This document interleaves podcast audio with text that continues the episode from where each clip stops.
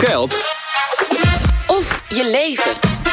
Stel dat er vooral vrouwen in de ICT-sector zouden werken, dan zou onze wereld er heel anders uitzien. Dat zegt in ieder geval mijn gast van, uh, van nu. Want, uh. Beter voor iedereen. Beter voor iedereen, zegt ze zelfs. Uh, uh, ja, dat zegt Ineke Scheffers. Uh, maar ze heeft wel een probleem, en wij met z'n allen dan. Want er is nog een lange weg te gaan. want er zijn heel weinig vrouwen actief in de ICT. Slechts 16% van de ICT'ers in Nederland. Ineke Scheffers vindt dat dus heel problematisch. Zij richtte de organisatie Girl Code op. In een poging om meer vrouwen de ICT in te krijgen. Goed dat je er bent, Ineke. Ehm, jij bent een van die 16%. Ja, een heel klein deel daar weer van. Waarom heb jij eigenlijk ooit voor de ICT gekozen? Ik heb niet uh, eens gelijk voor de um, ICT gekozen. Ik ben uh, begonnen met uh, nieuwe media, tv, film. Um, ik wilde graag studeren. Dat was de universitaire studie. ik ben wel toen bij een softwarebedrijf begonnen. Een typisch vrouwelijke culturele studie. Ja, nou ja, ja. Stiekem. Dat was misschien wel 50-50 hoor, daar okay. bij de UvA. Dat, uh, dat denk ik wel. Nee, superleuke studie had ik hier op, uh, op het Mediapark terechtgekomen. Mm -hmm. Was een beetje het plan. Maar ik ben toen begonnen bij een uh, softwarebedrijf... waar ik de stukken schreef over wat er daar gebouwd werd. de evenementen organiseerde, alle media afhandelde... tot en met de sociale media. Uh, maar daar zag ik uh, in dat bedrijf waren er ongeveer 65 developers, denk ik, 60, 65 en twee waren vrouw. Ja. Ja. En toen ik dacht vond je, dat daar niet moet veel. ik ook mee. Toen dacht je, ik word zelf maar gewoon uh, software developer. Nou, niet eens gelijk. Okay. Niet eens gelijk. Ik heb daar toen uh, gevraagd van, hey, hoe zit dit? Zij waren er heel trots op. Ze zeiden, ja, we hebben er heel veel. Twee want... is meer dan wat de rest heeft. Ja. ja. toen dacht ik, wat een gekke uitspraak. Mm -hmm. uh, daar ben ik toen Girl Code begonnen. Oh ja. Dus, maar dat is, dat is bedoel de reclamekant. Je hebt ook nog op een gegeven moment gedacht... Hey, ik wil zelf wel gaan programmeren. Ja, ja, ik uh, zag wel in die business die ik deed, een soort van communicatieachtige banen, kreeg je vaak geen uh, vast contract en zo, want uh, dat kan je wel weer na twee jaar vervangen. Mhm. Mm -hmm. dat levert niet gelijk geld op.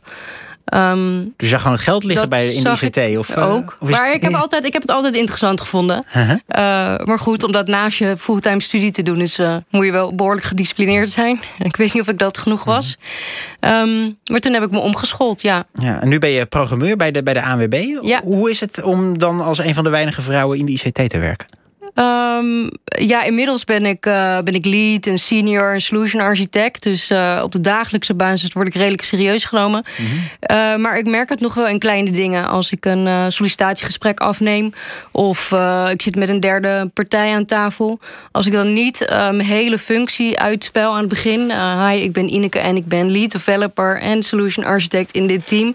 Mhm. -hmm. Dan gaan ze meestal ervan uit dat ik van de HR ben of uh, misschien de product owner of zo, maar niet, uh, niet de lead programmeur van dat team. Nee, en steek je dat dan? Steek me dat? Uh, niet per se, want ik, weet, ik ga ervan uit dat het niet expres is, Mhm. mm -hmm. dat het onbewust gaat. En vooroordelen is heel menselijk. Ik bedoel, we moeten zoveel dingen verwerken de hele dag. Het is logisch dat als je iemand ziet zitten, dat je, dat je onbewust uh, van iets uitgaat. Net als dat als ik hier binnenkom en ik zie jou daar zitten, ga ik ervan uit dat jij de presentator bent. Ja. Als je daar was gaan zitten, had ik gedacht dat je gast was. Ja, is ook logisch, want zo zitten we nou eenmaal altijd. Nou, altijd dezelfde stoel. Met 16% vrouwen in tech kan ik me dus wel voorstellen dat je, uh, als je een beetje Mhm. gaat gokken wat dan mijn functie is, dat je misschien niet als eerste developer komt. Ja. Steekt het me? Ja, want het zou 50-50 moeten zijn. En daardoor een logische ja. gedachte dat ik wel developer ben. En het gekke is aan, aan jouw sector, aan de ICT, is dat dat 70 jaar geleden, toen die computers bedacht werden, ook zo was, toch? Dat vrouwen echt in de meerderheid waren rond de Tweede Wereldoorlog. Ja, je kan bijvoorbeeld bekijken een keer de film Hidden Figures, dan uh, Mhm. zie je het. Uh, bij NASA waren het uh, juist vooral zwarte vrouwen. Hoe kwam dat?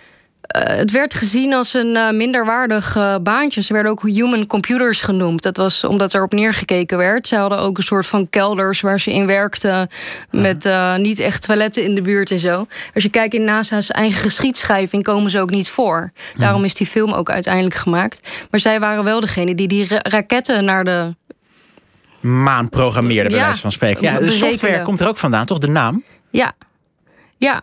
Ik denk het wel, ja. Oh, dus ik begreep dat, dat, dat, het zeg maar soft vrouwelijk was... en dat ze dan de hardware werd door de mannen nou, gedaan. Ja, hardware is natuurlijk op zich ook het harde... de computer, de chips en software op zich. Ik weet niet of dat echt met man-vrouw te maken zou hebben. Vandaag, software is, uh, is in ieder geval het programma... wat een harde schelp uitvoert. Dus kan, daar kan ik... Ik hoop dat het niet ook nog daar vandaan Oké, okay, nou, dat, moet, dat moeten we nog eens verder ja, uitzoeken. Ik, las dat wel, maar toch eventjes... want um, uh, het ging dus eigenlijk goed van jou, vanuit jouw perspectief. Er waren heel veel vrouwen actief in, in, ja. in de software. Waar is het misgegaan in de afgelopen nou ja, Ik hoorde jaar? ook in het voorstuk, en ik denk dat het over de ENIAC ging. Uh, een van de eerste grote supercomputers. Mhm. Uh, inderdaad, op dat moment werd de hardware vaak door mannen gemaakt... en de software juist door vrouwen. Ja. Uh, maar bij de ENIAC bijvoorbeeld, nou, dan was die computer aangeleverd... maar die had ook hardware bugs. Dus die vrouwen die ze programmeerden kwamen erachter... fixten het en de software, dus En het programma... Ja. en die hardware bugs. Maar die vrouwen die er toen waren, zijn inmiddels allemaal verdwenen uit Ja, maar dat is, dit, is, dit is ook wel omslagpunt geweest. Mhm. Uh, want toen, uh, toen werd het natuurlijk, er was een supercomputer. Toen werd het opeens een baan uh, waar veel meer mensen voor nodig waren. Dus salaris ging omhoog. Toen die ENIAC werd, uh, volgens mij werd het gepresenteerd op een con congres in 1946. Die zes vrouwen die die ENIAC hebben geprogrammeerd, Mhm. waren niet aanwezig op dat congres. De, de, de mensen, even, even niet vrouwen, man, die mensen die die computer hebben geprogrammeerd, waren niet aanwezig op het congres waar deze computer werd laten zien. Net als dat bij NASA die zwarte vrouwen niet worden genoemd uh, als een belangrijk onderdeel van die raketten de ruimte insturen. Ja. Uh, dus dat is een omslagpunt. Het kreeg uh, meer aanzien, hoger salaris. En in Engeland bijvoorbeeld, en dat zal hier ook gebeurd zijn, maar alles wat je erover opzoekt, juist in Nederland zijn er helemaal weinig cijfers en gegevens bekend. In Engeland na de oorlog werd er geacht dat je als vrouw weer thuis voor de kinderen ging zorgen. Oh, dus dat was echt die, dat oorlogseffect.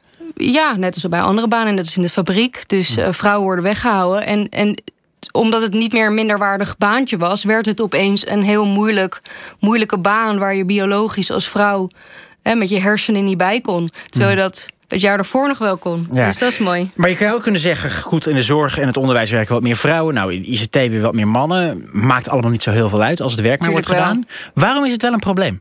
Nou ja, ik denk dat het in elke baan, baan een probleem is. Ik denk dat uh, iedereen betere zorg. Uh, be, ja, maar waarom is het, we zitten hier niet voor de zorg, waarom is het specifiek voor de ICT een probleem? Voor de ICT is het precies. Uh, nou ja, ICT heeft natuurlijk heel veel invloed en steeds meer invloed, ook op jouw dagelijks leven, toch?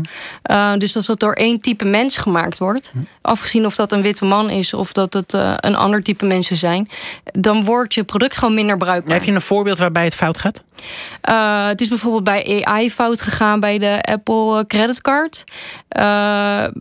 Daar wordt dan bijvoorbeeld uh, door de AI besloten in eenzelfde gezin. Die, uh, Steve Wozniak van, uh, van de Apple Computer. Mm -hmm. Die had dus ook uitgeprobeerd om daar een, een Apple Pay. dat is een bestedingslimiet te krijgen of zo. En die kreeg tien keer zo hoog als een vrouw. Maar ze deden samen, ze hadden hun uh, bankrekening samen, ze hadden hun, dus hun inkomsten waren samen, uh, hun uh, aangifte van de belasting was hetzelfde. En toch kreeg hij tien keer hoger bestedingslimiet dan zijn vrouw. En hoe heeft dat met de vrouwelijke ICT'ers te maken? nou, ik denk dat dat allemaal te maken heeft met bias in ook wat je programmeert. Ah. Dus ja, als jij met alleen maar witte mannen. Maar ook als je het op een andere as zou doen. Als je met één type mens iets maakt, dan is het logisch dat daar iets uitrolt wat voor diegene goed is. Dat, ik merk dat zelf in het dagelijks leven heel erg met uh, uh, zeepdispensers of uh, kranen. Ja. Bij openbare toiletten of restaurants of zo. Mijn hand is vaak te klein voor die sensor om te herkennen oh. dat mijn hand eronder hangt. En dat is geprogrammeerd door een man en die ja. denkt daar nooit over na. En als dat al bij het zeep gebeurt, dan is het irritant. Maar als je de zeep wel op je handen hebt, maar de kraan gaat niet, is dat best wel irritant. Oh, en dat komt allemaal door de, door de mannelijke programmeurs. Nou ja, ja maar nee, maar, niet ik, snap je, maar... ik snap je punt. Maar toch, je hebt daar Girl, girl Code opgericht. Wil ja. meer vrouwen de ICT inkrijgen om ook dit soort problemen, en die zijn ook nog wel groter, de wereld uit te krijgen. Ja. Hoe ga jij meer vrouwen de ICT inkrijgen? Nou, wat ik met Girlcode doe, is een uh, event uh, wat, wat Girlcode heet, waardoor het al wat meer vrouwen aantrekt. Het is namelijk ook zo, als je nu naar een tech-event gaat, dan ben je ja. vaak de enige vrouw.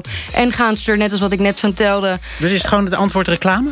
Reclame? Nee. Bewustzijn, denk ik. Mm -hmm. uh, vrouwen worden heel vaak niet gevraagd bij andere evenementen om op het podium te staan. Ja. Uh, dus rolmodellen neerzetten. En dat probeer vrouwen je tech houden, want soms ben je alleen. Ja, en dat probeer je allemaal dus te doen met Girlcode. Meer vrouwelijke ICT'ers, dat is jouw doel. Dankjewel Super. dat je daarover wilde vertellen. Programmeur Ineke Scheffers.